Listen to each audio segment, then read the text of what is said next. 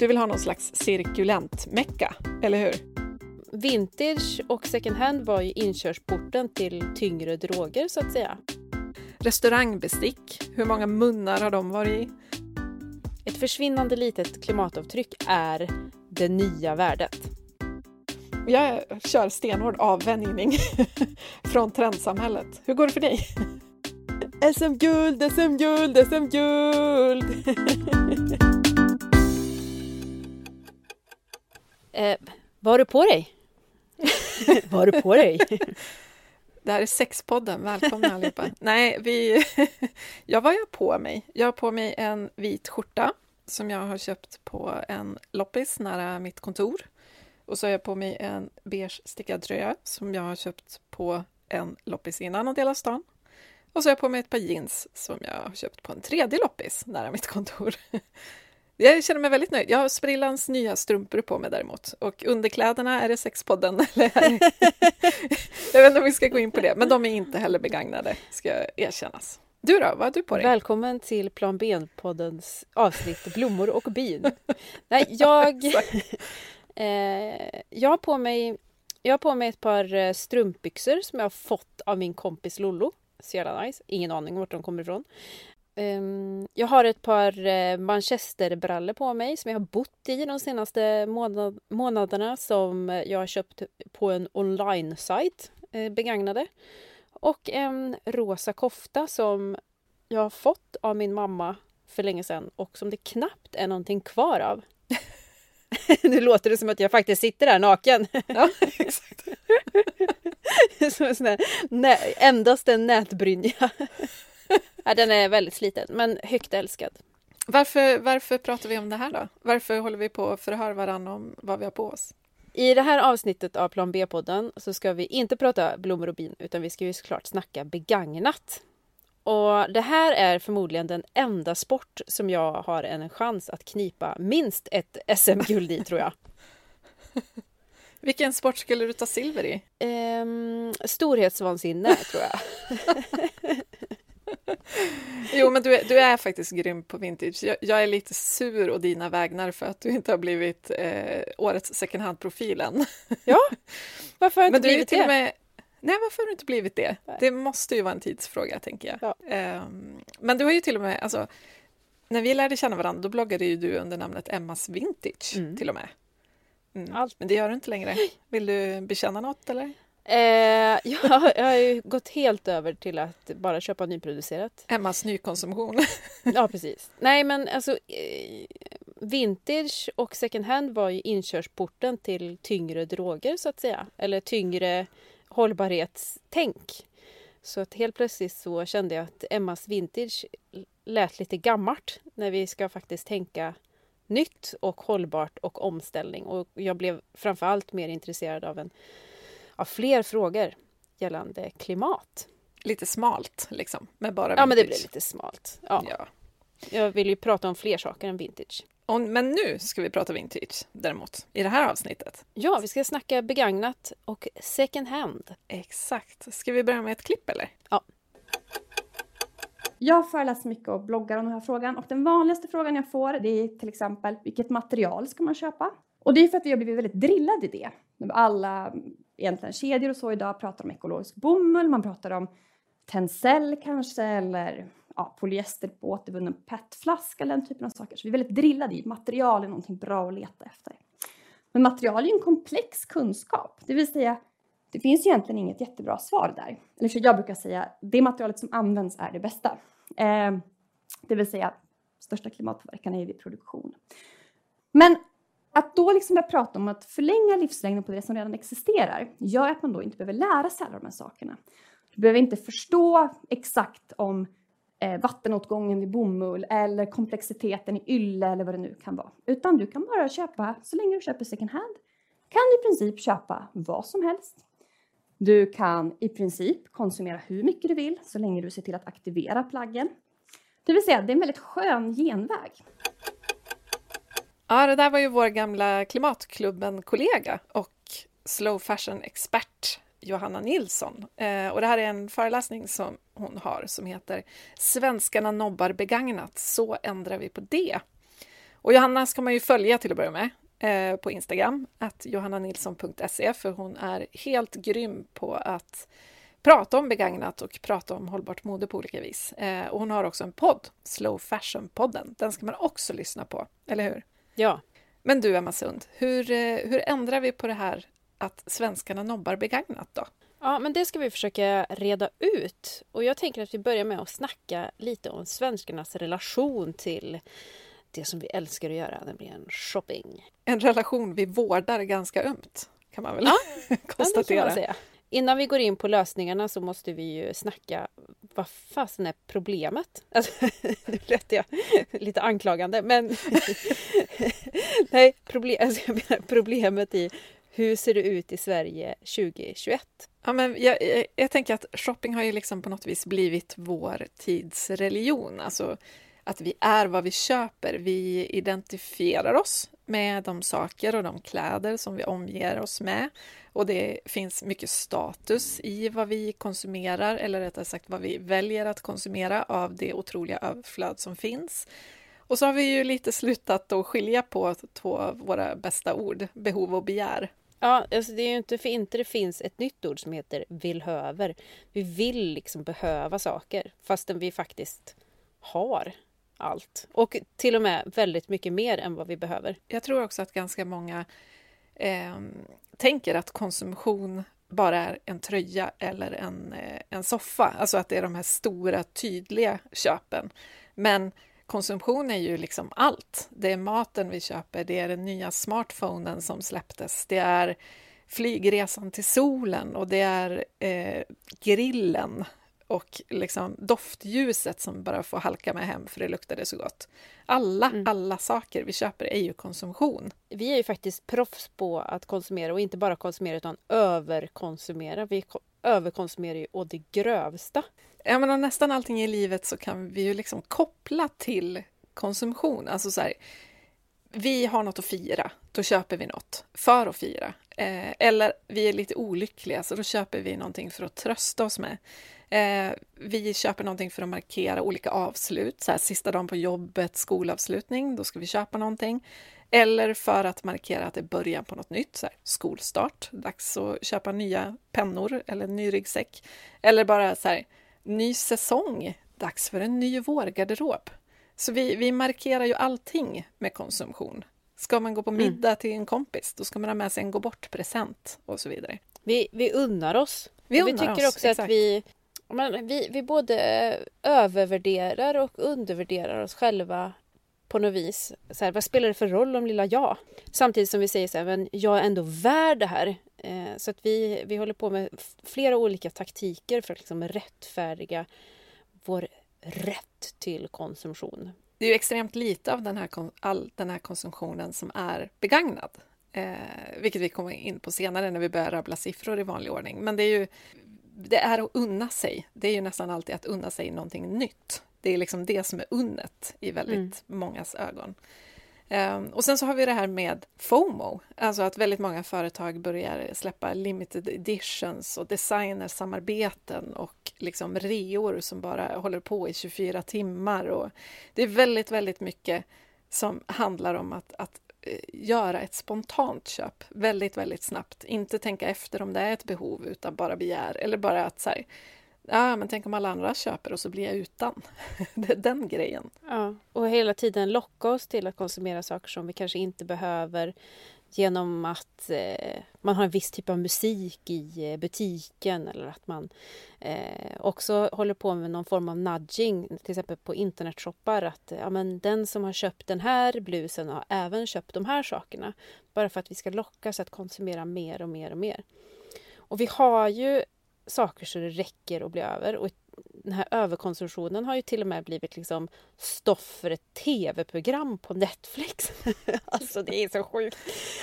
Det finns firmor vars hela affärsidé går ut på att liksom lagra alla överkonsumerade grejer och prylar och möbler. Ehm, och sen så ja, som sagt så finns det ju en tv-serie på Netflix om hur vi ska organisera i våra liksom, överkonsumerade hem. Jag pratar förstås om eh, en person som heter Marie Kondo som har eh, fått stjärnstatus för att hon hjälper folk med sina överkonsumerade hem.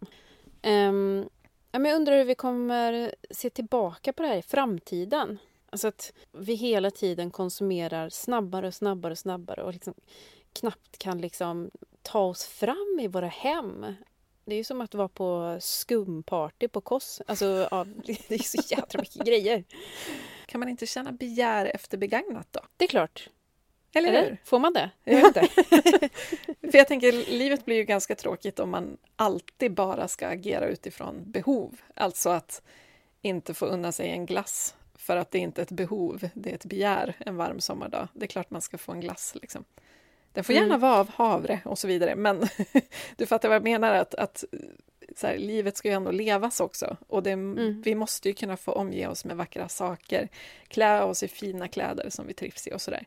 Men grejen är väl bara att vi måste så här, se, eh, eller hitta andra sätt att få utlopp för vissa begär på ett sunt sätt. Liksom. Ja, men sen så är det ju skillnad på saker och saker också, tänker jag. Alltså, vissa saker kan vi köpa begagnat, men vi väljer att inte göra det. Eh, att köpa en begagnad glass, det är jävligt svårt kan jag säga dig. Eh, det är svårt. Därför känns det som ett rimligt köp. Eh, att, så här, men det är också att, att vara... Har jag berättat vad, vad utmaningen i det här avsnittet ska bli förresten? Nej, sluta. Nej, jag, bara, jag bara ska bara begagnad mat i en vecka. Nej, men jag förstår vad du menar, att, att förbrukningsvaror går ju liksom inte att handla begagnat. Så är det Nej, men, precis. Um, men jag bara menar att, att det jag tycker är problemet med hållbarhetsdiskussioner är väl väldigt ofta att de hamnar i något så här lite präktigt, fotriktigt och ganska osexigt territorium. Liksom om vi släpper glassen och istället pratar om en, en vas med ängsblommor. Det finns ju inte ett behov egentligen där heller, utan det är ju ett begär att vi tycker att det ser trevligare ut hemma med en vas med blommor på bordet. Det är ju inget som vi står och faller med. Men en vas går mycket väl att hitta på loppis. Eh, och det är väl bara där vi måste få in ett synsätt i så många det bara går som handlar om att så här, finns, det en, en, finns det ett sätt att tillfredsställa det här behovet eller begäret utan nykonsumtion. Mm. Nu är vi ju inne på ett annat avsnitt som heter behov och begär, eller hur? ja. ja, just det. Det som vi alltid är inne på i varje avsnitt. Det är en följetong faktiskt. Ja. Men om vi ska snacka om vad vi konsumerar då? Ska vi börja snacka om kläder kanske? Mm. Vi köper 14 kilo nytt.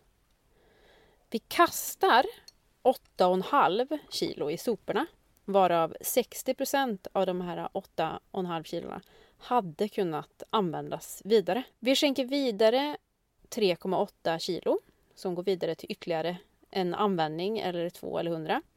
Sen ska vi kolla på vad vi köper begagnat då och det är ju ynka pynka 0,8 kilo jämfört då med 14 kilo nytt. Så vi är jädrigt duktiga på att handla nytt. Vi är också väldigt duktiga på att eh, kasta kläder i soporna och inte se att det finns ett andrahandsvärde. Vi, vi är också väldigt duktiga på att skänka, eller hyfsat duktiga på att skänka vidare. Men vi är för jäkla dåliga på att handla begagnat. Och sen om man räknar ihop det här också så blir det ju, det, blir, det är 2,5 mm. kilos diff där. Det vill säga vi adderar på i vårt hem 2,5 kilo textilier varje år extra. Inte så konstigt att vi behöver ett Nej. förråd på alltså, stan. Alltså, vi köper ungefär ett nytt plagg i veckan.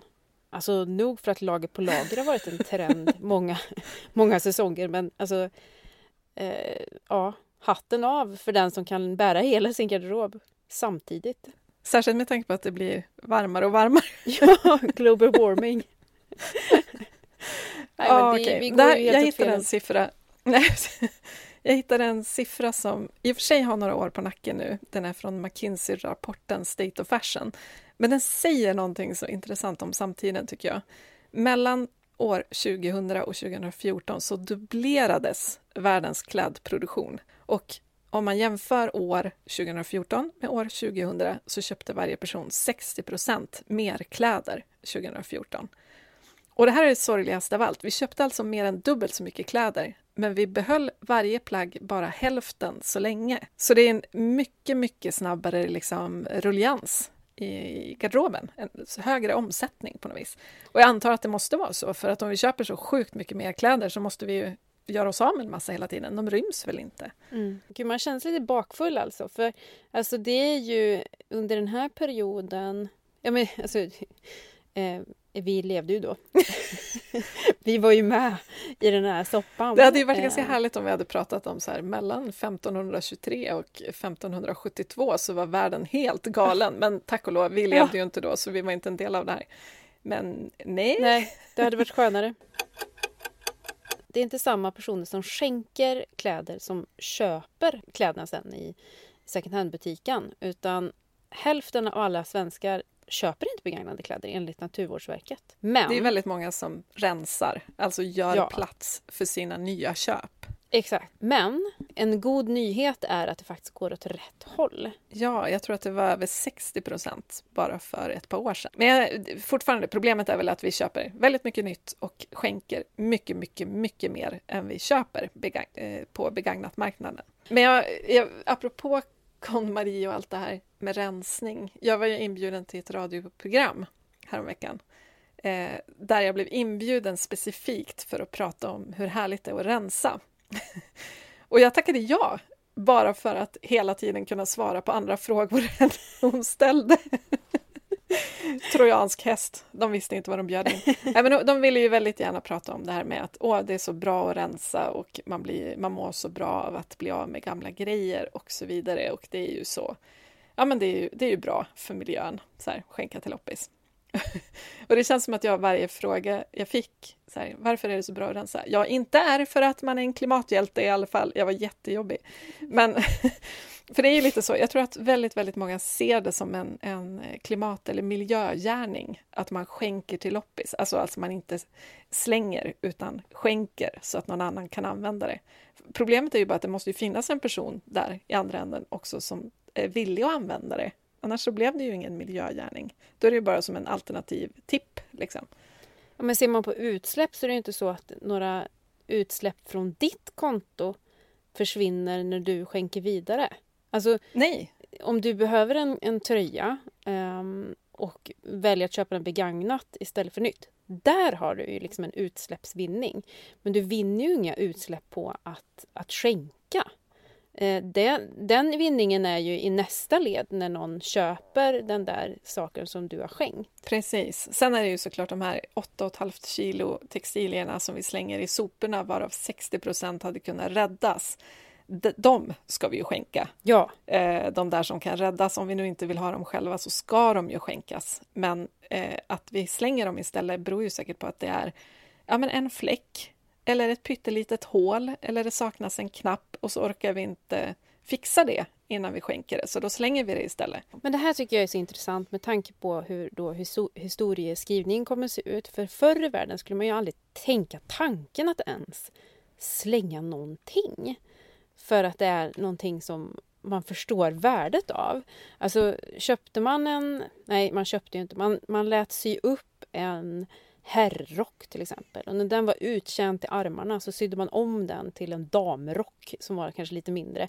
Och sen när den var uttjänt i, i eh, eh knävecken, vad jag på säga, vad heter det, eh, eh, armbågarna, då gjorde man barnkläder av den. Och sen efter det, när den var helt söndertrasad, då blev den ju trasmatta eller trasa. Så det är ju så jag är uppvuxen. Det är alltid liksom någon gammal t-shirt som har end up som, som fönsterputsduk. Det behövdes ju ingen begagnat marknad på den tiden, för ingenting eh, liksom försvann ur hemmet. Det bara användes på nya sätt tills det var borta i princip.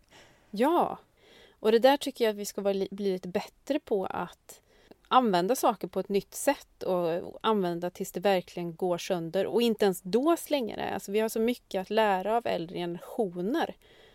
Ehm, ja, och också värdera den kunskapen. Jädra kreativt också ska jag säga. Och sen är ju begagnat så sjukt mycket bättre för klimatet än nyproduktion. Eh, om man ser på just kläder då, så är 80 procent av ett plaggs klimatpåverkan sker vid produktionen. Eh, och det här är enligt Naturvårdsverket. Då. Och det gör ju att det blir helt bizarra siffror. Det går 397 begagnade jackor på en ny om vi jämför utsläpp. 397! Alltså du kan alltså ha på dig 397 jackor och vara, ha samma utsläpp som någon som har köpt ny som har bara en. Det blir väldigt varmt ska jag ja, säga. Exakt. Men... Och det, det gäller liksom allt. 197 par begagnade jeans på en, ett par nya. 194 begagnade t-shirts på en ny. Och allt det här är enligt Återbruksbarometern 2019 som en ideell organisation som heter Björk och Frihet har gett ut. Så det är ju liksom en no-brainer. Om man gillar klimat och kläder, då ska man handla på begagnatmarknaden. Mm. Och vi måste komma ihåg det här att vi är experter på att rättfärdiga eh, våra beslut och liksom göda det här kortsiktiga belöningssystemet. Och det finns ju någonting som heter kognitiv dissonans som har hjälpt mig väldigt mycket i att förstå hur jag agerar i, vid ett köptillfälle. Att ja, men jag ser mig som ett, ett hyfsat medveten person som har koll på läget. jag vet inte vad resten av omvärlden tycker om det. Men eh, sen kanske jag drabbas av ett begär som kanske inte riktigt rimmar med den här medvetna personen som jag tänker ändå att jag är. Och då försöker jag rättfärdiga det beslutet för att det sker, det blir som ett skav i huvudet när liksom bilden av mig själv inte riktigt rimmar med handlingarna jag gör. Och det här skavet försöker jag minska eller få bort genom att skjuta fram snygga citat som ja, men det här är jag väl ändå värd eller men vad spelar det för roll om lilla jag? Eller men grannen då? Ett slags strutsning deluxe. Oh, liksom. ja. Eller få medhåll, medhåll från andra det ser man ju mycket på sociala medier. Så här, men ska jag inte behålla den här eh, tröjan eller byxan? Eh, och sen så får man applåder från hundra personer. Det kanske känns lite bättre även om man kanske innerst inne vet att fan, jag kanske inte är så jävla bra. Men, men om vi nu vet det här då, varför, varför undviker vi inte skavet helt och hållet då? Varför köper vi inte mer begagnat? Ja, men det beror ju på att vi drivs av massa normer Ehm, och en hel del myter såklart också. Och att vi är bekväma. Vi har liksom vaggats in i att det här är så som man ska liksom hålla på 2021. Eller ja, kanske inte just i år då, utan kanske för tre år sedan. För det är lite förlegat att hela tiden agera på sina begär. Sen har väl just det här med myter, jag tänker alla har väl hört den här klassiska, alltså jag tycker det känns så ohygieniskt att köpa någon annans gamla grejer. Har du hört den? Eh, ja. Ja. Mm. Vill du höra den igen? Ja. Jag har ett litet klipp här. Okej. Okay. alltså jag, jag, är sjukt dålig på att handla second hand i butik. Jag gör det en del online. Eh, så jag köpte typ lite grejer från Sellpy och lite från så här, eh, ja, men märkesgrejer som har varit på så online-shoppar. Men jag är väldigt, väldigt dålig. Vänta nu måste jag hitta parkering också. Eh, men jag är sjukt dålig på att second hand shoppa i butik. Men det är typ för att alltså jag tycker det är lite äckligt. Eller? Du fattar du vad jag menar? Okej, okay, det här var alltså ett klipp från en känd youtuber. Och hon är såklart inte ensam att gå runt med de här fördomarna för att de finns i vårt samhälle. Liksom, vi har kanske rättfärdigat vår nyshopping genom att, att faktiskt säga såna här grejer som att det luktar illa eller det känns lite ohygieniskt eller äckligt med eh, begagnat. Men det som jag tycker är intressant är ju att det vi i ena stunden tycker är äckligt eller ohygieniskt då, det är ju sånt som vi tycker typ det höjden av lyx vid ett annat tillfälle. Alltså, jag tänker mig att ganska få skulle köpa begagnade lakan på loppis till exempel. Det skulle nog kännas lite ofräscht. Samtidigt, klipp till, checkar in på hotell, kryper ner i frasiga hotellakan som kanske hundratals främlingar har sovit och gjort annat i. Men det, då är det lyx. Hur kan det vara så liksom? Men alltså, vänta nu. Är det ohygieniskt att handla lakan? Nej, det är det inte. Begagnat. Men jag tror väldigt, Nej. väldigt många tycker att det är det, eller tror att det är det. Men det är klart alltså, det inte. Det är ju typ textilier. Typ alltså, ja, exakt. Det är ju textilier som alla andra textilier. Man tvättar dem och sen är de good to go. Liksom. Jag var bara tvungen att göra en liten SIF-undersökning. Då vet vi vad du sover i för lakan. ja. ja, även jag. Så att det är ju inga konstigheter med det, såklart. Men jag tror verkligen att gemene man eh, tycker att det känns lite märkligt att köpa just lakan begagnat. En duk, helt okej. Okay. Gardiner, helt okej. Okay. Lakan, eh, Då börjar det bli lite gränsland för ganska många. Och jag tycker det är det här- intressant med tanke på hotellliknelsen där, vi, där det kanske inte är en ägare som har sovit i dem innan, utan där kan det ju vara liksom en ny person varje kväll som kryper ner i samma lakan i princip. Med tvätt emellan, ja, men du förstår vad jag menar. Ja, men det här handlar ju om normen i att vi tycker att det är äckligt att använda någon annans saker som har blivit tvättade emellan. Då måste vi fundera också på var de nyproducerade sakerna kommer ifrån. Alltså, de är ju uppväxta på ett fält, om man snackar bomull eller lin som förmodligen har gödslats med bajs. Alltså, jag menar, alltså, eller gödsel. Alltså, vi, vi måste liksom gå back to basic. Vad, vad är det som är hygieniskt? Alltså, nu säger inte jag att det är ohygieniskt. Det är fantastiskt med gödsel och att vi kan odla. Men vi kanske måste ta en vända kring vad det är vi tycker är ohygieniskt i det här. Vad är det som gör fabriker i, på andra sidan jordklotet där folk eh, jobbar för slavlöner? Vad är det, vad är det, det som är så jädra hygieniskt? Ja, Om man jämför med ett plagg där, som har blivit tvättad, där gifterna har tvättats ur för länge sedan för att det har blivit använt väldigt många gånger innan du bär det. nytt och fräscht. Vad är det som är så fräscht? Ja, Ja, men jag, jag tycker i alla fall att det är intressant det här med hur vi... Hur, hur någonting kan vara lyx och sunk samtidigt. Bara att det hamnar i en annan kontext. Mm. Det, ju, det finns ju massor av exempel på det här. Hyra en limousin för brudparet. Jag menar, det är inte det första brudparet som har hängt i det baksätet. Eller taxi. Restaurangbestick. Hur många munnar har de varit i? Mm. Des- Designmöbler i original. Det ser vi ju som någonting liksom, jätteåtråvärt och fint och liksom, värdefullt. Men det är många rövar som har suttit på den stolen. Liksom. Sekelskifteslägenheter. Alltså det här går ju att dra hur långt som helst. De där gamla lakanen kanske hade varit okej om det stod Old Celine på dem i ena hörnet, eller? ja men förmodligen. Eller liksom det här som man pratar om när man är inne på auktion. Provenien, proveniens. Vad fan heter det? Ja, precis. Proveniens. Proveniens. Ja. Mm.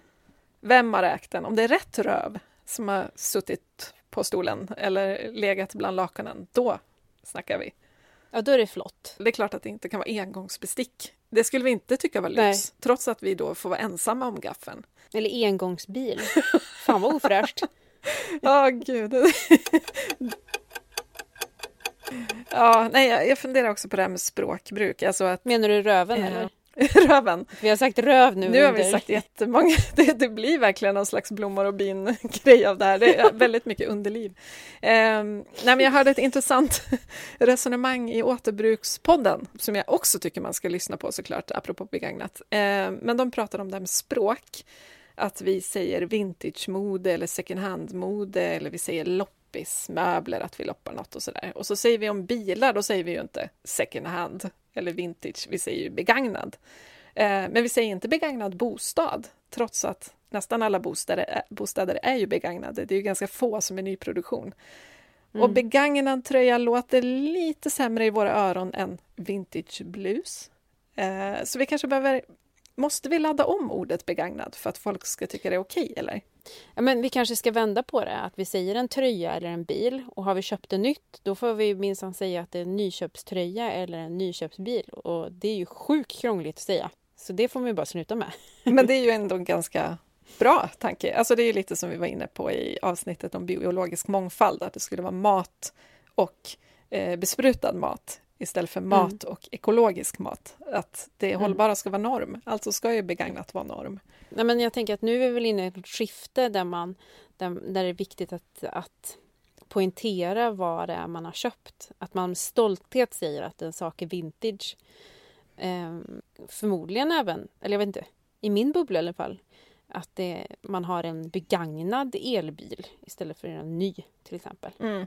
Vad som ska få sätta värdet i saker också. Alltså, är det den här märkeslappen i nacken som ska vara statusen, som ska avgöra hur åtråvärt någonting är? Eller är det att den här jackan är begagnad så att den har ett så försvinnande litet klimatavtryck eftersom den är det och att den är liksom värd 397 Mm. nya jackor? det här hade jag älska. Då plötsligt känns den ju ganska liksom fet. Ja, men också den här prislappen där man faktiskt ser klimatavtryck eh, tydligt. Att man kan jämföra. Inte, inte liksom vad det monumentära priset är utan vad liksom klimatavtrycket är. Verkligen. Det hade varit superintressant. Det vill jag se på fler, det vill jag se på fler eh, prislappar. Tack. Varsågod. Nej. Kan du fixa? Nej, jag kan inte fixa det. En utmaning. Ändra alla prislappar i hela världen så att man kan se Just det, men det är, det är ju dig vi utmanar i den här podden. Så Ja, tillbaka det, det kaka jag. på den då. Ja. Ja. Eh, nej men och det här var vi inne på lite innan också, att vi måste ju faktiskt börja ta ansvar för våra saker. Alltså, problemet är väl att mycket av det som produceras idag är så sjukt dålig kvalitet att det faktiskt är svårt att hålla det i bra skick. Så vi måste ju sluta köpa det här sämsta, billigaste kramset liksom, som inte håller för två ägare. Men vi måste ju också se till just att de grejer vi har och tycker om och som är vettiga för någon annan att använda, att de faktiskt ska vara så fina så att det är liksom okej att eh, en ny ägare känner så här wow, den här var ju fantastisk. Det är många som ser fast fashion som engångsprodukter, alltså plagg som endast är snygga vid första användningen. Och det, det här tycker jag också är intressant, det här som många snackar om att pris per användning, just om vi kommer tillbaka till det här med värde, att ja, jag diskuterade det med en kompis häromdagen, så här, men, och då sa hon så här, men det här är väldigt bra pris per användning. Och jag bara, men jag sysslar inte med pris per användning, jag sysslar med utsläpp per användning eh, i en diskussion då kring begagnat versus eh, nyproduktion. Verkligen. UPA istället för PPA. Mm. Där har, finns det, eller lanserade vi Det, det nu? nu lanserade vi det. Ja, Varsågod världen. Bra! Ja, men det här med, med att liksom se till då att prylar faktiskt kan få ett värde för någon annan. Det är väl vad myrorna försöker pränta in i oss just nu, eller hur? ja, med all rätt. Och eh, Myrorna är faktiskt sponsor av det här avsnittet. Och eh, jag har såklart snackat med Åsa Blomberg som är marknads och kommunikationschef på Myrorna. Tänk second hand i första hand är ju en lysande paroll. Kan inte du berätta lite om det? Jo, absolut, gärna. Eh, vad vi tänker med det är att second hand inte ska vara en, eh, eh, ett alibi för att köpa nyproducerat, vilket det ofta är i dagsläget. Eh, man går till nyproducerande butiker för att köpa det man verkligen behöver och så går man in på second hand-affär för att se om man hittar något. Och vi skulle vilja vända på alltihopa och säga att man tänker så här att jag behöver en ny tröja och då går jag och letar efter det second hand. Helt rätt. Men du, eh, vad bidrar man till när man skänker och handlar på Myrorna? Man bidrar till många saker. Eh, först och främst så bidrar man ju till eh, att inte påverka klimatet negativt. Vi sparar ju alla produktionsresurser och all den påverkan, negativ påverkan den har på klimatet. Så det är det första. Det andra är att allt överskott som vi får på vår verksamhet går oavkortat till Frälsningsarméns sociala arbete. Och sist men inte minst så erbjuder vi också arbetspraktik eh, i vår verksamhet för människor som står väldigt långt från arbetsmarknaden. Så man kan hjälpa både klimat, miljö och andra människor. Precis. Låter himla bra. Eh, jag älskar begagnat och är övertygad om att allt finns begagnat. Vad säger du? Jag säger absolut. Men hur mycket får Myrorna in per dag på ett ungefär? 20 ton. Vad då? Prylar, grejer, kläder? Ja men alltihop eh, sammantaget så är det 20 20 ton varje dag. Alltså det är ju en siffra Per dag? som är per dag. Blir det mer och mer för varje år eller hur, hur ser utvecklingen ut? Eh, ja, det skulle man kunna säga att det blir. Sen så försöker ju vi eh, höja kvaliteten på det som vi får in. Alltså att vi... För så här är det ju att om man lämnar allting till oss, eh, både den fina kavajen, snygga porslinet, hela porslinet, eh, men också trasiga saker som inte fungerar, eh, trasiga kläder, eh, smutsiga kläder, kläder med massa hål i eller bara trasor de sakerna som vi inte kan sälja vidare, de ser vi ju till att de kommer till återvinning, men det är ju en ren kostnad för oss och de pengarna hade ju kunnat gå till välgörenhet istället. Mm. Men du, 20 ton per dag. Vad utmärker svensk second hand, skulle du säga? Att vi är för dåliga på att handla det. Får jag svara så? man får svara precis vad man vill. Och jag vet eh, mindre second hand-aktörer åker till Polen för att köpa svensk second hand. Nej men gud. Så den transporten är ju helt onödig. Mm. Vi är ehm, sämst i Europa på att handla second hand. Vi är superduktiga på att lämna in. Och jag tror att många känner att man har gjort en god gärning då. Eh, och då har man lite grann ett alibi att handla nyproducerat. Till exempel för några år sedan öppnade en ny lågpriskedja i Sverige. Ehm, så efter ja, ungefär en vecka så svämmade det över av just de prylarna hos oss. Vadå, bara efter en vecka? Ja. Så är vi folk... så förändringsbenägna, alltså att vi tröttnar på saker efter en vecka? Dels det, och dels så tror jag att just eftersom det är billigt, dels så triggar det ett köpbeteende, att man vill köpa det för det känns som ett fynd. Eh, det är härligt, det är roligt att köpa, det stillar något slags sug precis i stunden. Eh, och sen så tröttnar vi på det. Och just eftersom det är så billigt så värdesätter vi inte det alls. Mm. Men hur ska man tänka när man skänker och lämnar in till Myrorna? Mm. Ja, men som jag var inne på lite tidigare, så det som skänks till oss, eh, vi är supertacksamma för det, eh, vill jag först och främst säga. Men det andra är om man tänker att det ska vara någonting som man själv skulle kunna gå och köpa.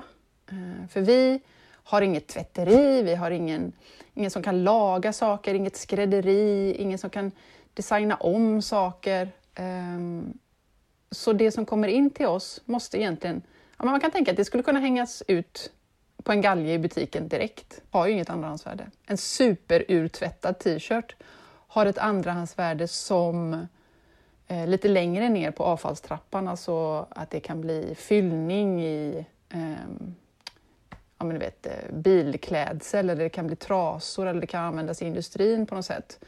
Eh, men det går ju inte att sälja det vidare i befintligt skick. Jag har ju massor av plagg som jag skulle vilja skänka men så kanske det är något litet hål i mm. dem. Hur ska man tänka? Kan du inte laga hålet innan du lämnar in det? ja, ja, alltså jag drömmer om den här tjänsten som liksom slussar mellan privatperson och, och second hand. Fantastiskt. En välgörenhetsskräddare. Eh, inte, som gör det, inte som gör det på, av välgörenhet utan att man faktiskt mm. kan pytsa in lite pengar för att få sina kläder lagade innan de ska skickas, Absolut. Eh, vidare. Och här kommer vi till en annan knäckfråga och det är värdet på second hand. För att för många eh, så är, har man ju en föreställning om att det man handlar på second hand ska alltid vara billigt. Billigt är liksom det första man tänker när man tänker second hand. Men om man tänker lite till på egentligen vilket värde vi tillför när vi tar hand om en tröja till exempel. Vi tar emot den, vi sorterar den, eh, vi prismärker den, vi packar ner den, vi skickar ut den till en butik som hänger upp den, tar hand om den. Det är personal i butiken, i kassan och så vidare. Eh, dels så kostar ju det faktiskt pengar, eh, men klimat, alltså klimatnyttan av att handla det här second hand borde ju tillföra ett värde till varan istället för att det bara ska bli billigare. Det är ju en omöjlig ekvation, det är faktiskt helt omöjligt. Um, och som du säger nu så ska man tillföra en tjänst till.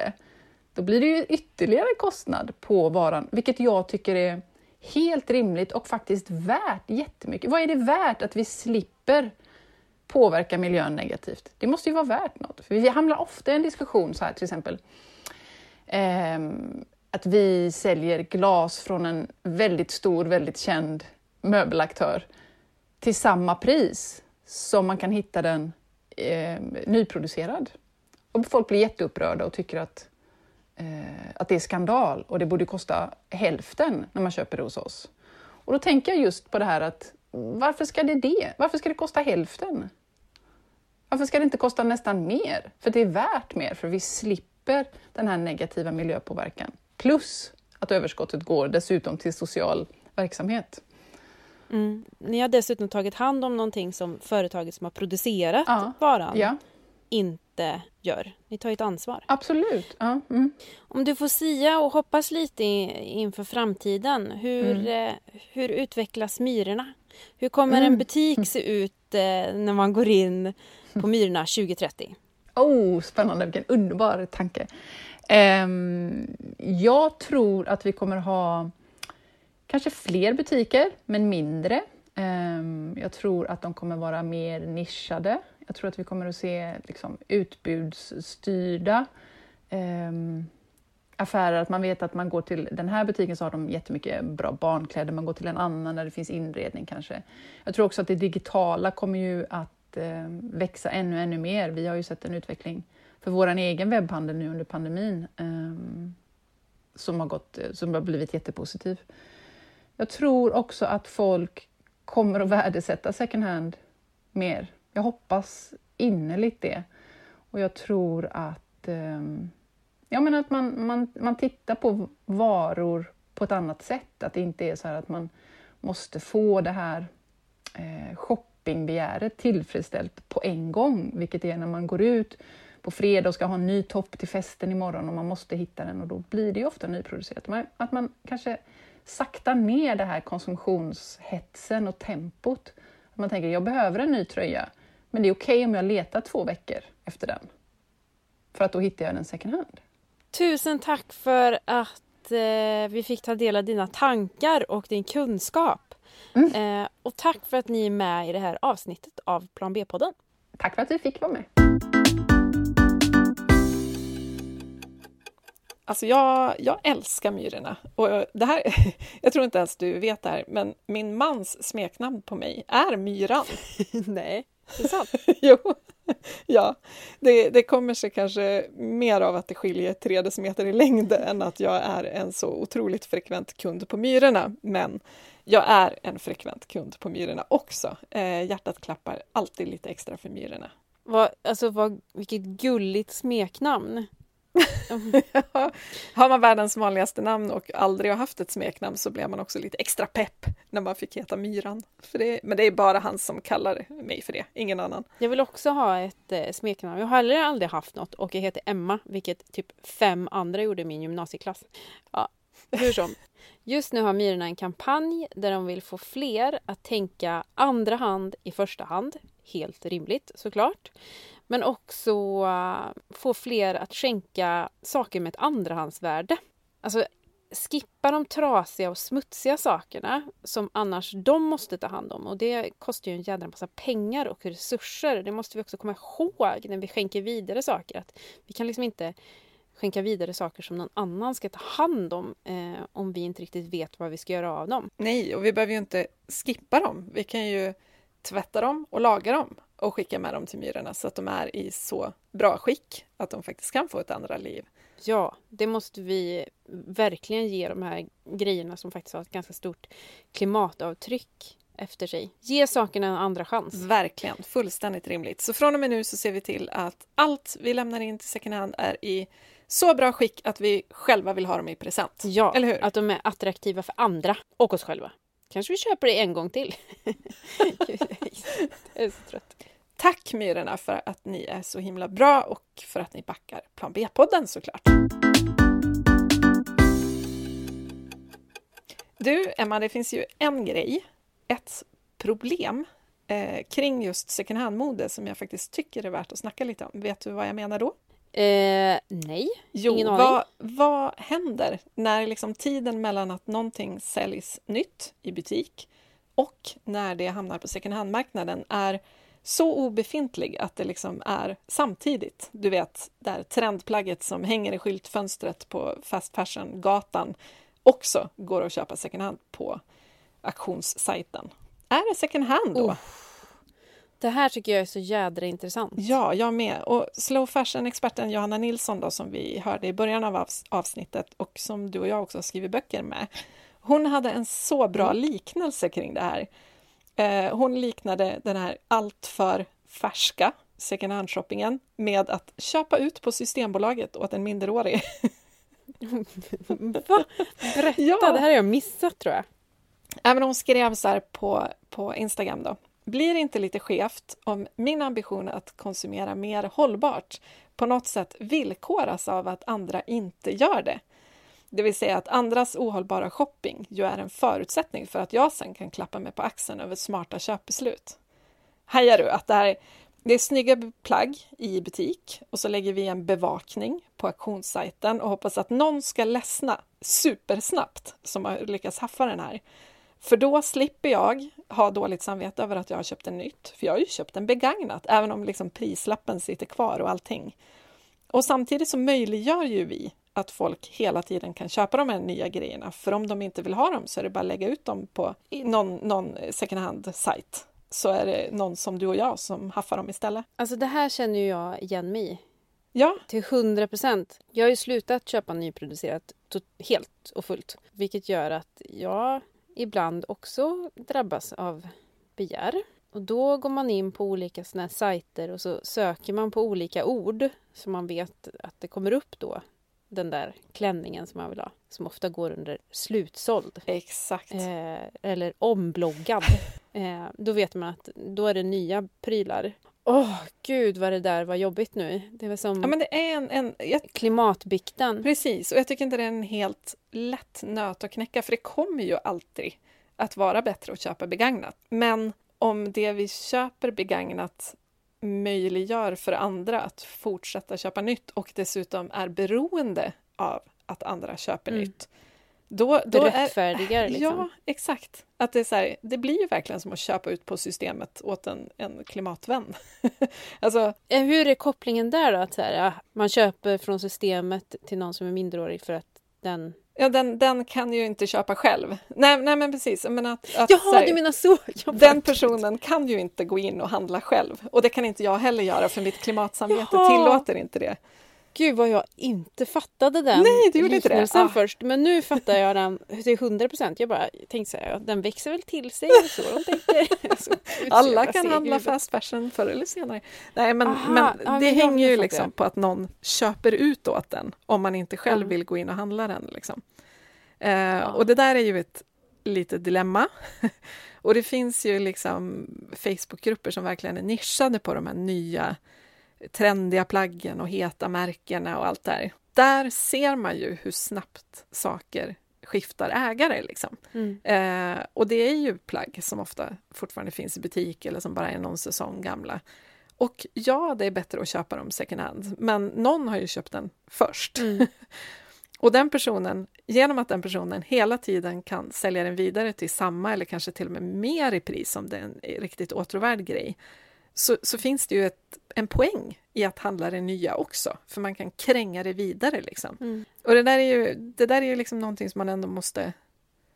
Ja, det är inte så att jag tror att vi löser det här i det här poddavsnittet, men jag tänker att det är någonting man ska ha med sig i bakhuvudet, att man kanske inte kan rättfärdiga all typ av begagnad shopping eh, bara rakt av, utan man kanske måste lite hålla koll på vad det är för typ av system som, som möjliggör den typen av second hand shopping också. Jag tycker det här är en så jävla viktig diskussion. För det är en sån här grej som jag tänkt på länge men kanske inte riktigt satt ord på heller. Jag känner nu att jag kommer sluta med det här beteendet. Det känns som... ja men för jag har det också eh, i att så här, man köper något nytt. Men jag vill inte vara en del av det heller för det, jag, det ska vi ju. För att förmodligen sitter det någon i andra änden som rättfärdigar att de har sålt till mig och känner att bra, då blir jag av med den, då kan jag köpa något nytt. Nej, men det blir ju som en slags fuskvariant av hyrgarderoben. Liksom. Att man köper ett nytt plagg och så säljer man det vidare och så köper man ett annat nytt plagg och så säljer man det vidare och man betalar som en, en avgift för att få bära det tre gånger. Liksom. Mm. Eh, istället för att faktiskt använda riktiga hyrgarderober som faktiskt existerar och gynna den marknaden istället. Finns det något ord på dem som är liksom först i ledet? Ny, ny konsument, äh, konsument är det väl bara. Vi andra är ju cirkulanter, eller hur? Nej, vi ja, precis, eller användare. ja, exakt. Ja, ja okay. nej, det där löste vi inte. Men, men alla kan väl bara ha det i bakhuvudet kanske, som en slags liten påminnelse om att det, det finns second hand shopping som kanske behöver ske med någon slags eftertanke i alla fall. Typ mm. så. Men du, eh, vi shoppar ju inte bara kläder va? Utan är också ganska så vassa på att handla inredning. Hur ser det ut på inredningsfronten, Maria? Ja, eh, inredning är ju den konsumtionskategori vi missbedömer vårt eget beteende inom mest. Mhm. Det kom ut en konsumtionsrapport 2018 som visade att svenskarna trodde att de hade minskat sin konsumtion av möbler och prylar med 3,5 procent sedan 2010. I själva verket så hade den ökat med 20,4 procent. Och jag tror att det här hänger ihop lite med att om man får den frågan så här, vad har du köpt nytt till ditt hem? Då kanske man tänker, nej men jag har ju samma soffa som jag hade för tre år sedan och ja, vi har inte gjort någon renovering så ingenting, typ. Och så glömmer man de fyra kuddfodralen som man köpte för att man ville förnya soffan och man glömmer doftljuset och man glömmer duken i linne och sängkläderna kanske och så vidare. Allt det är ju också inredning. Och köksredskapen, slickepotten, Ja. stekspaden. Den jättesnygga skålen att servera pastan i. Mm. Så det är asmycket som är inredning. Eh, och vi shoppar mer och mer och mer inredning. Mellan åren 2012 och 2018 så ökade inredningsbranschen med 7,2 procent per år enligt TMF. Och det här var ju innan pandemin. Och inredningsbranschen har ju till skillnad från modebranschen då som faktiskt har gått på knäna nu eh, inredningsbranschen går som tåget, för vi är ju hemma så mycket. Mm. Så vi ledsnar på soffan som vi tittar på hela dagarna medan vi har vårt Zoom-möte och sen byter vi ut den. Och också att vi kanske ser den här samma soffa som vi har köpt ny på hundra andra ställen i tidningar som vi läser på Instagram och den liksom är precis överallt. Så mycket att vi blir mätta på den. Att vi måste byta ut den. För vi vill ju också vara såna här unika fåglar. Visa att vi är med i matchen. Vi vill inte vara mainstream. Vi vill vara trendsetters. Nej, exakt. Ja, och dessutom så tror jag Ja, men om man ser innan pandemin när vi fortfarande gick i butiker och kanske slank in på lunchen för att vi behövde köpa ja, men strumpor, typ. Och eh, fast fashion-kedjan har numera också inredning. Mm. Och så tar man en liten repa runt det hörnet och så hittar man liksom en, en liten vas och en ljuslykta och ett kudde. Och så kommer man ut med det. Och det kanske man inte ens tänker på som inredningsshopping eftersom man faktiskt gick in i en klädbutik. Mm. Ehm, och sen e-handeln såklart. Nu kan du ju klicka hem en soff eller ja, typ ett kök från bussen om du får feeling. Det är ju otroligt mycket mer tillgängligt nu. När jag växte upp så låg ju möbel... Det fanns ju liksom inte inredning på något annat ställe än liksom i något slags köpcentrum långt utanför stan. Du behövde bil och det var som en, det var inte som en heldags-outing att åka till möbelvaruhuset. Liksom. Nu finns det ju inredning överallt. Sen går ju också trenderna fortare och fortare inom inredning. Förr så var det ju inredningstrenderna i många, många år. Och nu pratas det mer om säsonger. Och... Ja, ja men exakt. Jag, jag jobbade ju, eller det gjorde vi ju båda två. Vi jobbade ju på modetidning way back. Shh! Säg inte det! Avslöja inte vårt mörka förflutna. Förlåt. Nej, men vi, vi har ju båda jobbat med modemedia eh, och jag gick ju liksom över till inredningssidan för vad det nu var, 12 år sedan kanske. För att jag var så trött på att trenderna gick så sjukt fort inom modevärlden. Jag var liksom less på saker innan de ens fanns att köpa för jag hade ju sett dem så länge eftersom jag jobbade med lång pressläggning och sådär. Little did you know. Eh, nej, exakt. För då gick inredningsbranschen ändå relativt långsamt. Men sen dess har det ju hänt samma sak med inredning. Att det är så här, ja, men man snackar säsonger och man snackar om kortlivade så här, designsamarbeten och allt det där har ju kommit till inredning också. Så nu är det ju samma hetsiga tempo där. Men förr kunde man ju ringa in en trend som spände över ett helt årtionde. Exempelvis 20-talet, alltså 1920-talet pratar jag om nu. Hundra år senare så går trenderna så snabbt att man kan pinpointa en trend till ett specifikt år och i vissa fall en månad. Alla minns väl sommarklänningsbonanzan förra året? Eh, eller de vita mattorna med de här svarta fyrkanterna som var inne. Var har de tagit vägen? Nu är det helvita mattor vi ser. Det är inte mattorna som har försvunnit, det är bara Det fyrkanterna. är bara fyrkanterna. De är, de är borta. Vart är fyrkanterna? Och nu kanske det är någon där ute som sitter och lyssnar och tänker Jag har ju den där mattan med fyrkant på. Måste jag byta Mm. Ut måste den, den, då? Ja, då måste, då måste den bort nu. Sån, sånt är samhället. Mm. När vi hela tiden matas med signaler om att så här, nu är det här inne, det betyder att det andra är ute. Eh, Det blir ju kontentan. Och då rensar vi. Det är ju en tsunami av prylar som bara väller ut ur folks hem just nu. Jag vill bara säga en sak. Jag tycker att alla som har grejer som inte absolut är inne, håll fast vid dem. Och här vill jag citera min far, Arne, som har burit manchesterbyxor sen han var sju äpplen hög. Hans eh, paroll är Jag är inne var tjugonde år. Åh, oh, Arne! Ja, alltså självsäkerheten i att säga jag är inne var tjugonde år och resten av tiden Alltså, jag kunde inte bry mig mindre. För att manchesterbyxor är typ det skönaste plagget som finns. Och nu har jag... Vad var det du hade på jag dig vet, Jag vet, jag har gått i hans fotspår. Han, han kommenterar på det här om dagen. Eh, jag bor ju väldigt nära mina föräldrar just nu. Han bara, du har såna här manchesterbyxor på dig. Och då sa jag, ja. Jag har lärt mig av stilikonen. Jag tycker inte ens att det behöver vara så tydligt som att så här, det här är inne och det här är ute. Utan det räcker med att man matas med någonting väldigt mycket som man kanske i början inte ens tyckte var fint. Men när man har sett det tillräckligt många gånger, bara jo, det är mm. fint. Och mer och mer så, liksom, så här, nästlar det sig in i något begärscentrum i hjärnan och så plötsligt bara, jo, men jag måste ha det där mm. nu. Och min, min strategi för det här, eh, jag har ju då upptäckt att det är otroligt mycket lättare för mig att frigöra mig från trender om jag inte ser dem. Mm. Skönt. Eh, pandemin har ju varit sjukt hjälpsam i det här. Jag försöker att inte utsätta mig för de här budskapen så himla mycket. Det vill säga, jag har avprenumererat på alla typer av nyhetsbrev. Eh, jag har slutat läsa vissa bloggar. Jag har avföljt konton på Instagram. Jag kör stenhård avvänjning från trendsamhället. Hur går det för dig? Jo, men jag, jag inflikar också att man matas att, att till slut tycka om någonting men på samma sätt så blir man ju trött på det snabbt. Alltså det är mm, som kolaremmar, det är ju gott första tuggorna men alltså varför är de så långa liksom? sen så till slut bara, jag vill aldrig se dem mer. och så funkar ju någonstans här nykonsumtion också. Först i början bara, ja det här var ju lite nytt och sen så, ja fast det är ju lite snyggt, fan det är skitsnyggt, jag måste ha det, jag måste ha det. Sen bara, jag vill aldrig mer se det för nu har jag sett det så jädra mycket. Det vore ju bra om man gick från Ja, det är ganska snyggt till. Nej, det var inte ja. snyggt. Utan att passera kassan. Ja. Liksom. Men det, tyvärr så går man ju via kassan innan man inser att man är ledsen. Det här med att sova på saken kanske är en bra idé. Mm. Och lite så här som man säger till, till folk på nätet. Så här, Har du inget snällt att säga så håll käften. Ja.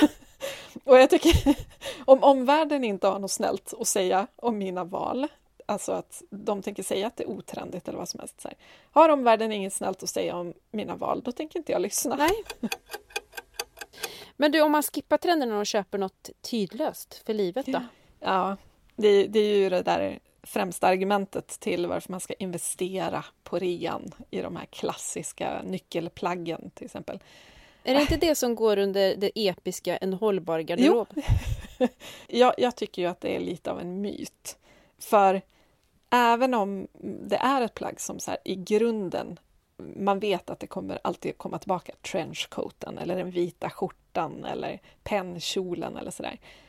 Alltså, det förändras ändå med tiden. För att eh, liksom, ibland ska den vara oversize, ibland ska den vara figursydd, ibland ska den vara lång eller kort eller inte vet jag, ha många knappar eller inga knappar. Alltså, blir det verkligen ett livstidsköp om vi känner oss lite omoderna ganska snart när vi bär det? Men också så här, om det är tidlöst så borde det vara skitlätt att hitta på begagnat-marknaden. Ja, alltså den vita skjortan jag har på mig idag, helt vanlig vit skjorta. Alltså det drällde av dem när jag köpte. Det fanns så många så att det var helt sinnes. Det fanns säkert 50 i min storlek. Mm. Så här, jag tycker att det kan finnas eh, det kan finnas tillfällen då man kanske känner att det är befogat att köpa något nytt. Jag tänker aldrig vara så kategorisk att jag säger att man får aldrig, aldrig, aldrig köpa något nyproducerat. Det finns ju trots allt företag som producerar nya saker på ett jättebra sätt, alltså mm. med mesta möjliga miljöhänsyn och det är jättebra kvalitet och, och så vidare. Men jag tycker inte att man ska liksom rättfärdiga köpet med att så här, det är tidlöst. För hur vet man det?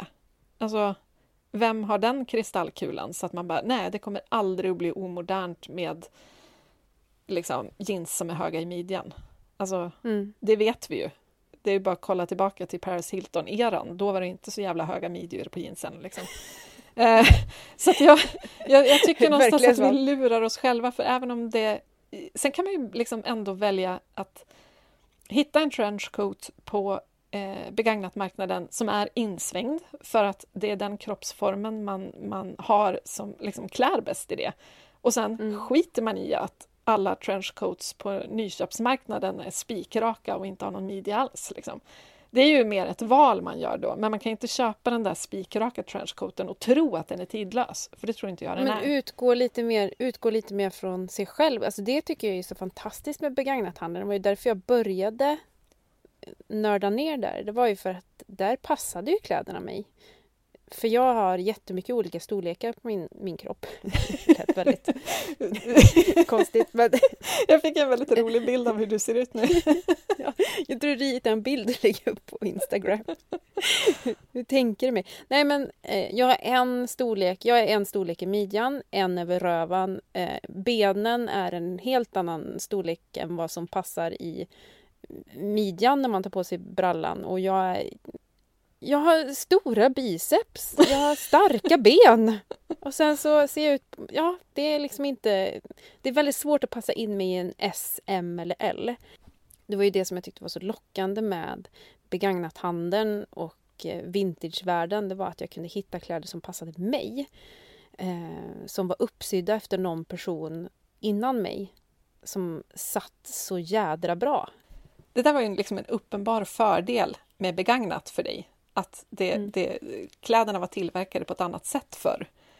Eh, och sen finns det ju en massa andra fördelar med begagnat också. Om vi helt bortser från så här, klimatavtrycken som ju liksom vi redan har gått igenom. Men, men också det här att det kanske är eh, helt unikt. Alltså det kan ju vara en handsydd klänning till exempel. Alltså som är Mm. uppsydd i 1x någon gång av någon härlig person.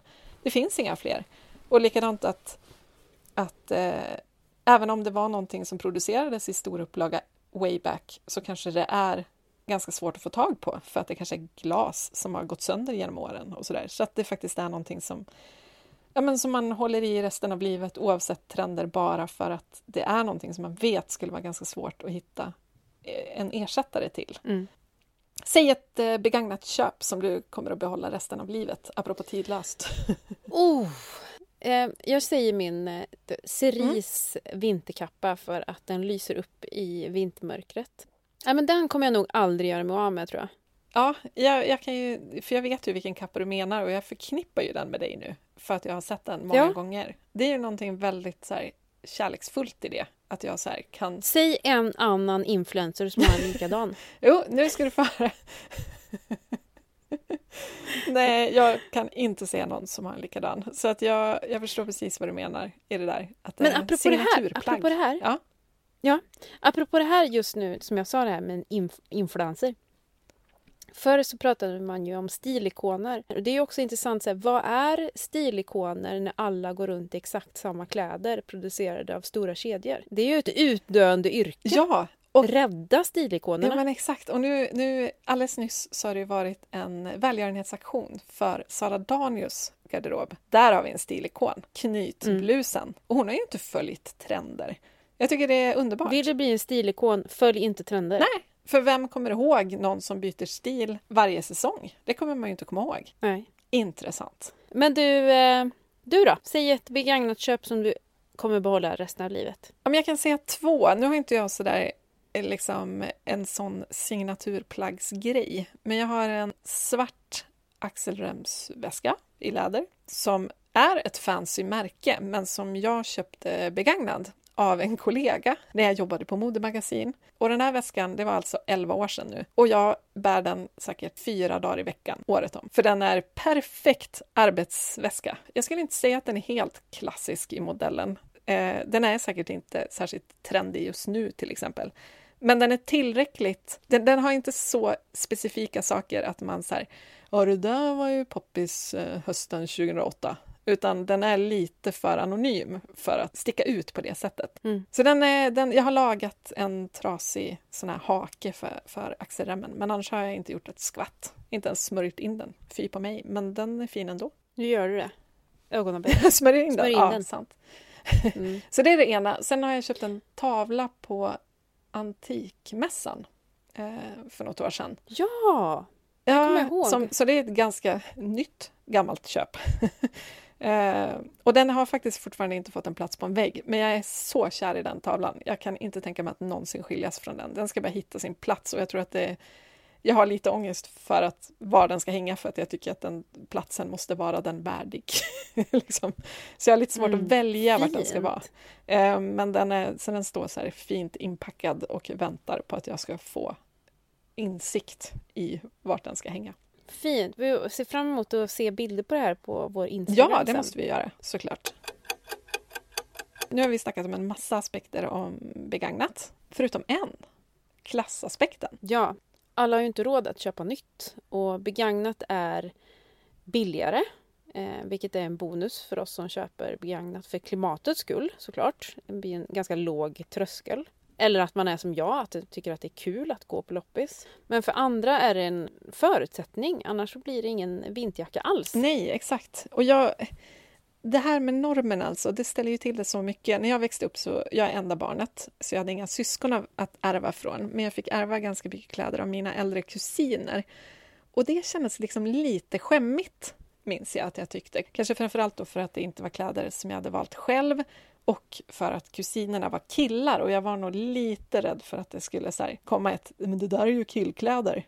Eh, så. Mm. Det var inga konstiga kläder egentligen och på 80-talet så var det ju mer unisex mode bland barn. Men det var väl bara att jag visste att det var köpt till killar. Men alltså jag tror jag redan då kände så att nej men jag, jag vill välja själv. Jag vill inte få någon annans gamla grejer som inte jag har valt i knät. För redan då var det en norm med nytt. Det här var ju det glada 80-talet. Så jag såg ju inte mina föräldrar tyvärr som vettiga, vilket de ju var, som såg till att jag återanvände andras kläder. Utan jag såg dem ju som trista. Varför måste jag ha den där? Jag vill inte ha den. Tjoho, vilken härlig unge!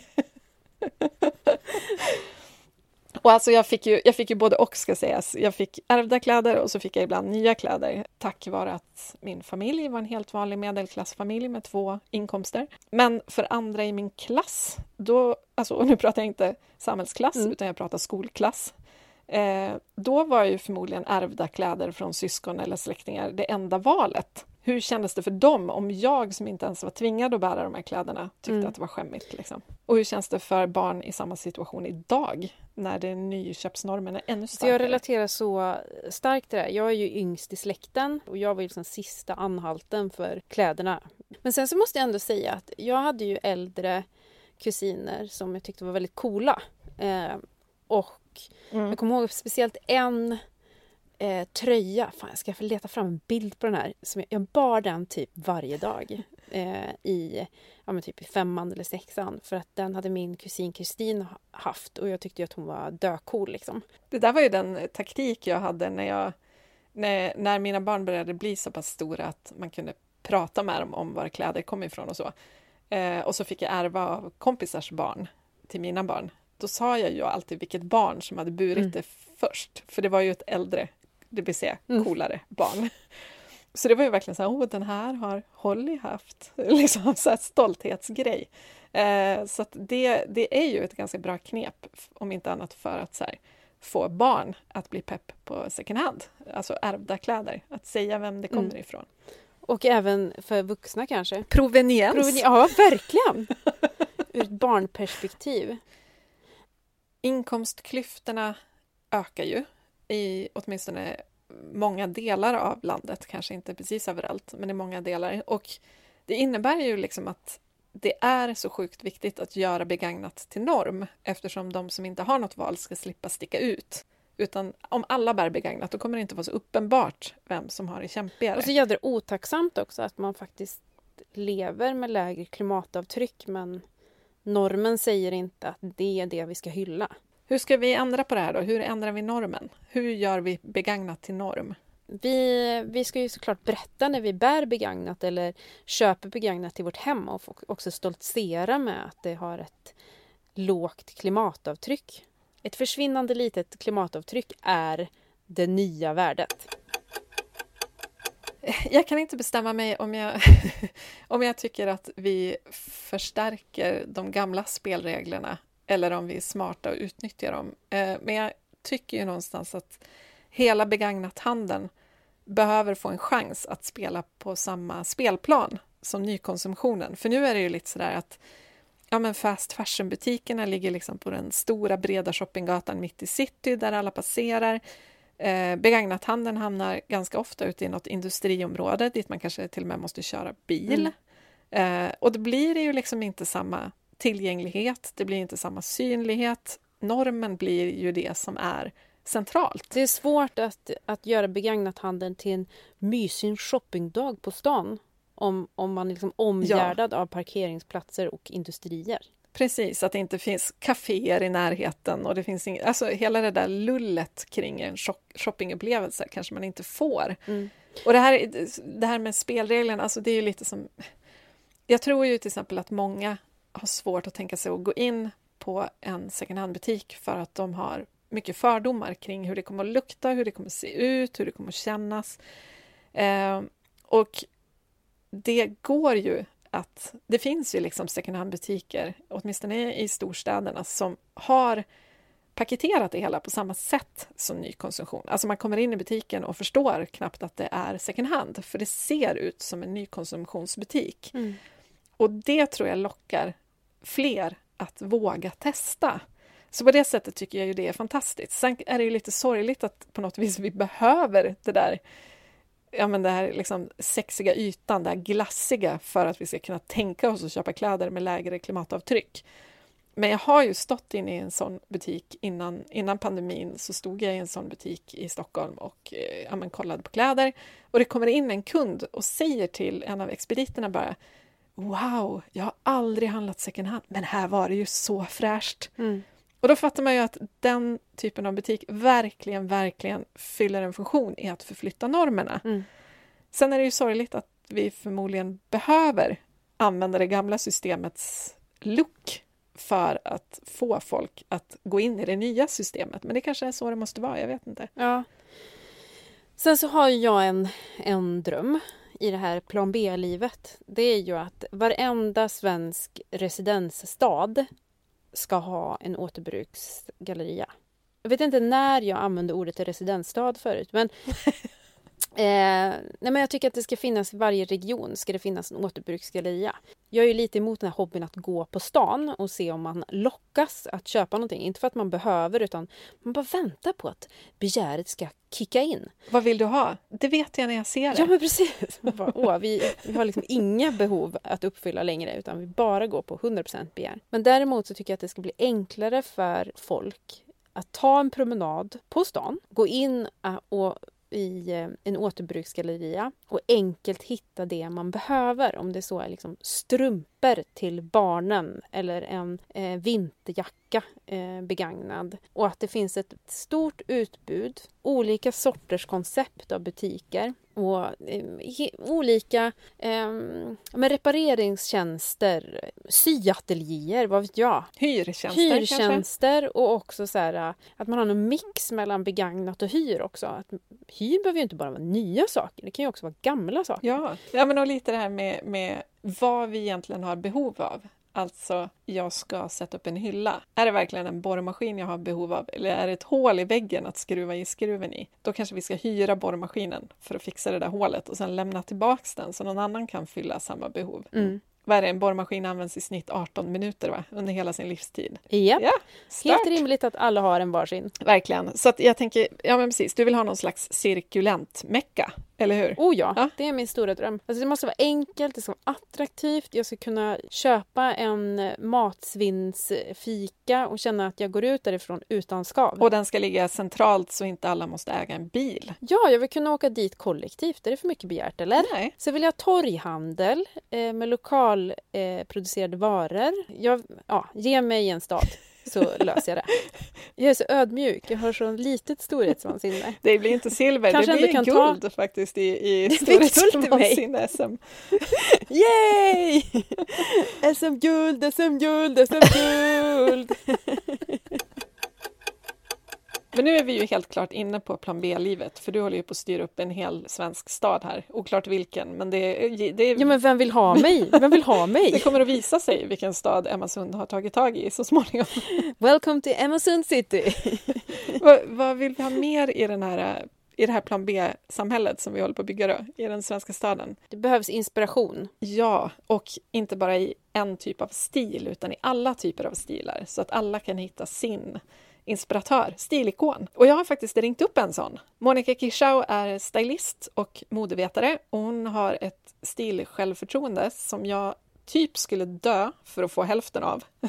Jag är så impad av hennes coolness.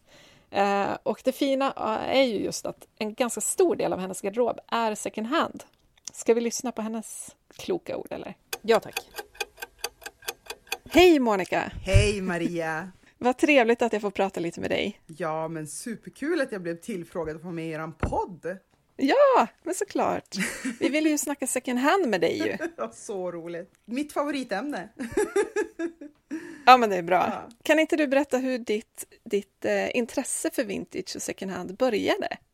Ja, alltså det började när jag var tonåring. Mitt första second hand-köp var på, på Myrorna. Jag blev ditdragen liksom av eh, en, en vän helt enkelt. Eh, och på den vägen är det. Och sen så har ju jag både en eh, modevetarutbildning och jag är stylist, eh, vilket gör också att second hand är väldigt ofta ett verktyg för mig för att genomföra jobb och, och så. Men du, när vi, när vi frågade kan inte vi få intervjua dig för att du är så duktig på second hand, ja. då var ju du supernoga med att säga, men hörni, jag handlar inte bara second hand. Ja. Varför kändes det så viktigt att säga det liksom?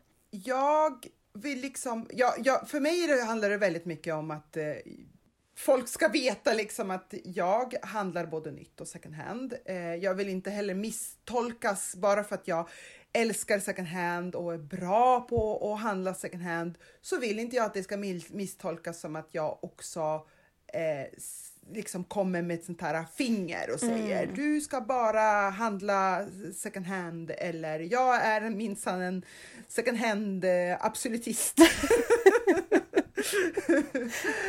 eh, och vi har alla en roll att spela på, på Instagram och jag är i första hand stylist. Mm. Liksom. Och Monica Kichau som älskar second hand och vintage och har gjort det i sn snart 25 år eller vad det nu är. Ja liksom. men precis. Ja men och vi tänkte ju mer mm. att dels tycker vi att du är så grym på att, att ge bra tips kring hur man ska mm. shoppa och sådär.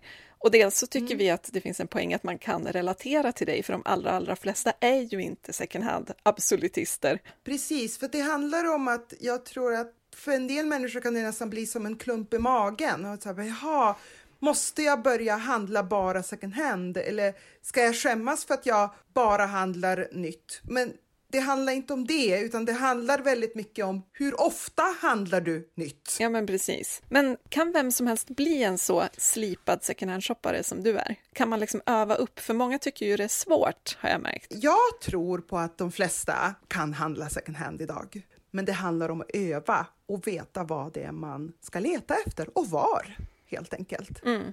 Sen är ju jag såklart hjälpt av att jag har läst modehistoria, jag är modevetare, jag är stylist. Alltså min, mina muskler är tränade. men, det betyder inte att det är en omöjlighet för alla andra. Vad skulle du säga är den, den största skillnaden mellan, mellan att handla second hand jämfört med att handla nytt? Om vi inte ser till att ja, men det är bättre för miljön, liksom. utan mm. vad, det, vad ska man tänka på för att lyckas med sina mm. second hand-köp? Alltså, den största skillnaden är ju att du, det öppnas upp en sfär av kreativitet. Därför att när du går in i en nyköpsbutik, då är du styrd av att det är någon som har tänkt på kollektioner. Det är någon som har eh, hängt upp det på ett visst sätt så att du ska liksom kunna se matchningar och för att, ja men du vet, det är, det är stylat, det är kurerat. Alltså, Eh, det finns eh, en tanke i hur man presenterar det här, vilket gör att du också kanske blir sugen på ett helt annat sätt på, på det här. Medan när du går in i en second hand-butik, då lämnas kreativiteten till dig. Mm. Och det mm. tror jag många tycker är lite läskigt. Mm. det är ett enormt hav av kreativitet i en second hand-butik. Det hänger liksom kläder som är tagna ur sitt sammanhang, som är tagna ur sina årtionden som är liksom tagna ur folks garderober och liksom ett mischmasch av kläder som har olika eh, kvaliteter, olika längd på ärmar, olika färger. Ja, men du fattar. Det är liksom. Och det tror jag kan vara överväldigande för många, men det ska man inte vara rädd för. Och det är ju det, det är ju det är det man måste så embracea den, just den här skillnaden, tänker jag. Mm. Eh, finns det, alltså du är ju proffs på att handla second hand. Du har ju gjort det länge och du vet vad du ska leta efter och sådär. Men finns det utmaningar även för dig när du ska handla second hand och hur tacklar du dem i så fall? Är det saker som mm. du också tycker är svårt? Det jag upplever är svårt med att handla second hand, det är ju, det är ju hitta storlekar. Mm jag har, jag, jag har storlek 41 i skor. Och då är det så att den skostorleken finns det inte mycket av ens när, ja men det kanske finns så ett eller två par i en butik. Mm. De, de, de, de flesta om vi tänker så här, nyköp, de, de flesta storlekar ligger i spannet 39, 38, 37, mm. där, där i kring. Men det är 38-39. Och det är ofta de storlekarna som vi också sedan ser i second hand-butiker. Ja, precis. Men, men då har jag hittat min väg, till exempel om jag vill hitta så här roliga märkesskor. Då går jag in på en, en, en fransk sida.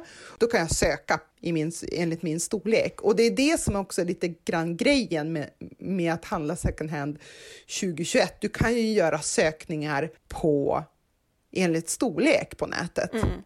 Så det är ju, men det är ju fortfarande en utmaning. Alltså så fort du inte är i, spann, i storleksspannet av, av liksom det, det där, där butikerna eh, och märken lägger sina volymer, då, då blir det svårt. Mm. Eh, för jag vet att många till exempel som har, har, st har större storlekar, med 46 48 om vi börjar liksom, jag, jag har 44, 46 i, i, i storlek idag mm. och, och jag vet, jag vet det, det blir svårt. Men, men då har jag liksom, jag älskar kavajer så jag kan, kan väldigt ofta gå in i en second hand-butik och prova kavajer och kappor. Jag älskar att prova kavajer och kappor från 80-talet. Eh, så det, det har gjort liksom, jag har liksom verkligen hittat mina mina så go-tos. Och då var det då var storlekarna större på 80-talet, visst är det så? Alltså att de, ja, precis. Ja. Jo, men precis. Det, det, det är ju så att olika eror har olika ideal. Så till exempel kläder från 70-talet kommer jag absolut inte i. Det har jag nog aldrig gjort. Jag vet inte vad de höll på med då. Men det, det är så små kläder väldigt ofta. Men däremot 80-tal och tidigt 90-tal funkar hur bra som helst på mig. Så där, där navigerar jag och som tur är så älskar jag också den, det, det modet. Mm. Ja, precis. Ja. Att man får hitta sin väg och framförallt kanske, det låter ju på dig som att man inte ska stirra sig blind på storleksetiketten heller, just eftersom storlekar har varierat. Nej, precis. Eh, man ska absolut inte stirra sig blind på storlekar utan prova, prova, prova. Och det är liksom också en del av kreativiteten. Eh, om du skulle ge tre tips till en väldigt ovan second hand-shoppare, då, vad skulle det vara? Om jag skulle ge tips till en väldigt ovan second hand-shoppare så skulle jag säga så här, okej, okay, börja i din egna garderob. jo, men och då handlar det inte om så här, för det kan ju vara väldigt överväldigande att gå och ställa sig i en second hand-butik och se den här mängden. Utan börja med att tänka så här, hmm, vad har jag i min egen, egna garderob? Vad gillar jag? Vad skulle jag behöva komplettera med?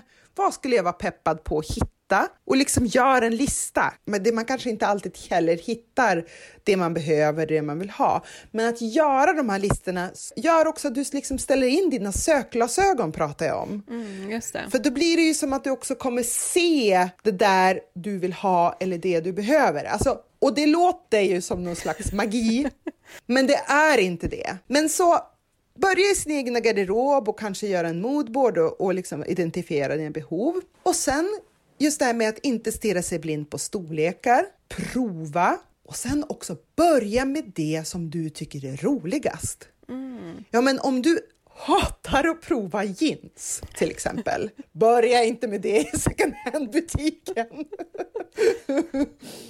Du kanske ska börja liksom rafsa runt i smyckeslådan till exempel. De, de tre sakerna tycker jag är så här, vik, viktigt för att också se det roliga, eller börja se det roliga och det kreativa i second hand-shoppingen. Perfekt. Tusen mm. tack Monica! Det var så himla härligt att snacka second hand med dig tycker jag. Tack för att jag fick göra det! och vara med i er fina podd. Ja, tack! Alltså Monica, alltså ja. så cool! Så cool, världens trevligaste person. Uh, och jag älskar ju verkligen hur, hur, duktig hon är också på att träna upp oss som inte är lika så här, street smart, savvy, second hand savvy som hon är på att, alltså hon ger så mycket bra tips på sitt Instagramkonto tycker jag. Förklarar vad man ska kolla efter när det gäller material från olika decennier. Ah, sjukt bra. Och jag tycker också att det är väldigt bra att hon är ärlig med att hon har en mix i sin garderob. Allt är inte second hand. Hon köper nytt ibland, men försöker göra så bra val när hon väl gör det som möjligt. Liksom. Jag tycker att det går att relatera till henne på ett helt annat sätt än någon som är perfekt. Liksom. Eh, som jag. Så, som du. Du är jävligt svår att relatera till. ja, nu ska vi till listan. Eller du har ju en härlig vignett, den ska vi spela upp. Ja. Listan. Listan. Listan. Listan. Okej, denna gång är listan vad då, Emma Sund? Fem myter om second hand. Mm, spännande. Vill du börja? Ja, första myten då är väl kanske att allt tvättas. Alltså att man kan lämna in vad som helst, det kommer att tvättas innan det hängs i butik. Stämmer det? Det stämmer inte. Det tvättas inte. Det, har, det finns inte resurser till det. Eh, då skulle de behöva en helt, ett helt nytt koncept. Ett tvätteri? Ett tvätteri. Det, det, är en annan business.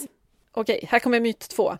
Allt lagas. Eh, samma sak där. Eh, det finns liksom inte resurser. Eh, och det finns också ett annat företag som håller på med sånt och det kallas skräddare. Mycket bra, så man måste laga innan man lämnar in, för annars kommer det inte att bli sålt helt enkelt. Man måste laga sina kläder innan man lämnar in, annars så blir det här en ytterligare arbetsbörda för de som jobbar där. Och man hoppas ju ändå att de som jobbar eh, i second hand kan lägga sin tid på att faktiskt göra det de ska öka begagnathandeln. Punkt tre då, eller myt tre rättare sagt. Eh, jag kan skicka med lite vad som helst, de blir glada för allt. Eh, nej, eh, eller jag vet inte hur glada de blir för jag, de är säkert jätteglada eh, människor. Men nej, man kan inte skicka med vad som helst. Än en gång, det krävs enorma resurser att ta hand om allting som, som inte går att sälja. Och här ska jag också erkänna att jag har helt klart varit en sån som har skickat med både det ena och det andra i kassarna i tron om att ja, men den källsorteras väl. Och liksom inte förstått att mitt avfall är mitt problem, inte någon annans. Myt fyra då. Second hand luktar äckligt. Vi löser det här problemet väldigt enkelt genom att alla som skänker saker tvättar det innan man skänker det vidare. Så, då var det klart. Och så tänker jag väl att anledningen till att vi jämför doften i en second hand-butik med en nyköpsbutik och då tycker vi att det luktar konstigt i second hand-butiken är ju för att nyköpsbutiken luktar typ kemikalier. Ja. Det är inte som att den inte luktar Sen något. Så, nyköpsbutiker har ju liksom lutat sig mot vetenskap hur vi konsumerar mer och för mycket. Genom musik, genom dofter. Alltså det finns ju det finns mycket att läsa på den här punkten. Eh, så vi lockas ju i nyköpsbutiker att konsumera mer än vad vi behöver. Så vi kanske ska prata mer om den doften. Okej, myt nummer fem. Second hand är svårt. Här drivs vi av massa normer och också förväntningar att vi ska kunna gå in i en second hand-butik och hitta exakt det vi vill ha för att vi har tänkt ut redan innan vad vi vill ha. Vi kanske ska gå in med lite mer öppet sinne. Att jag behöver någonting att värma kroppen med eh, eller jag behöver en tröja för min har gått sönder. Och så får vi se vad vi hittar eh, och får vara lite kreativa när vi kommer in. Vi löser mycket av den här problematiken genom att göra begagnat mer tillgängligt genom till exempel återbruksgallerior. Och där tycker jag att man ska pressa på sin kommun eller region att eh, faktiskt göra det mer tillgängligt. För det gynnar alla på den här planeten. Det är väl som allt annat. Det blir mindre och mindre Mm. svårt ju mer man övar på det. När man börjar lära sig hur man ska handla och var man ska handla så blir det ju mycket lättare. Så att här gäller det att träna och framförallt testa, gå in i provhytten och testa loss, hitta storlekar, lär dig storleken på din kropp och eh, var kreativ i din stil. Och nu sa vi att vi skulle ha fem myter, men jag, jag lägger till en till. Rebel you. Rebel me. Ja, men här, jag kan inte byta om det inte passar. Och det är ju faktiskt en myt, för många begagnathandlar, second hand-butiker har öppet köp. Är du redo för en utmaning då? Ja, Förra gången i vårt avsnitt som heter Banbrytande bönor så fick ju du i utmaning att du skulle göra en kvinnor och klimatet-vecka i dina kanaler. Hur har det gått? det har gått så jädra bra. Härligt! Jag har levererat. SM-guld i kvinnor och klimatet. Ja. Dels så har jag uppmärksammat problematiken men också att kvinnor är en del av lösningen på eh, klimatkrisen. Men också skänkt pengar. Alltså jag har köpt eh, cykellektioner. Ehm, jag har köpt, men jag har också skänkt pengar till kvinnor som är utsatta av, på grund av klimatförändringarna. Så jag tycker, jag tycker Bra att jag borde få jobbat. godkänt faktiskt, faktiskt, faktiskt, faktiskt. Faktiskt, faktiskt. Det kan du få. Kan man, har du samlat de här Instagram stories och sånt i någon höjdpunkt så folk kan gå in och kolla vad du har sagt? Jajamensan, det finns att eh, se under eh, höjdpunkten kvinnor och klimat. Underbart! Bra jobbat! På Emma Sund på Instagram. Ja. Okej, här ska du få en ny utmaning och då är det ju såklart på tema begagnat. Och jag tänker ju eftersom Alltså jag måste ju säga att du har gett dig själv en ganska maffig begagnat utmaning i att du ska bygga ett- ett hus med så mycket återbrukstänk som det bara går. Det, Ja. det, annars hade jag ju sagt det, bygg ett hus. Ja, just det. Men den blir också lite svår att redovisa i nästa avsnitt, tänker jag, eftersom huset inte riktigt är klart än. Eh, så det blir en väldigt snäll utmaning den här veckan faktiskt. Eller det Mhm. blir en väldigt snäll utmaning i det här avsnittet faktiskt. Mm. Jag vill nämligen se mer av din garderob. Åh, vad roligt! Ja, kan vi inte få se någon slags följetong eller ett megamaffigt blogginlägg med dina, inte vet jag, 10-15 mest välanvända och älskade begagnat plagg och få höra historien bakom dem? Gud, vad roligt! Kan du inte säga en siffra? Ja, men Alltså så här, 10 då? antal outfits. Tio, Tio. outfits. Ja. Ja. Och verkligen så här, jag vill veta detaljer. Jag vill veta vad du vet om plaggen och sådär. Det får inte vara för lätt. Du får inte bara, dagens outfit är begagnat, utan du måste nörda lite här.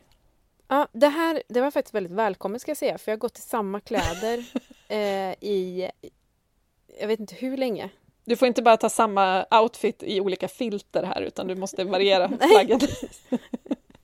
Jag tror också att internet har sett nog av mina roströda manchesterbyxor. Eh, så tack för den utmaningen. Jag, jag ska leverera. Fasen vad roligt. Underbart. Väldigt kul. Ska vi eh, call it quits för idag, eller? Det ska vi. Och eh, vill man se, höra mer av oss, se mer av oss, vilket man såklart vill.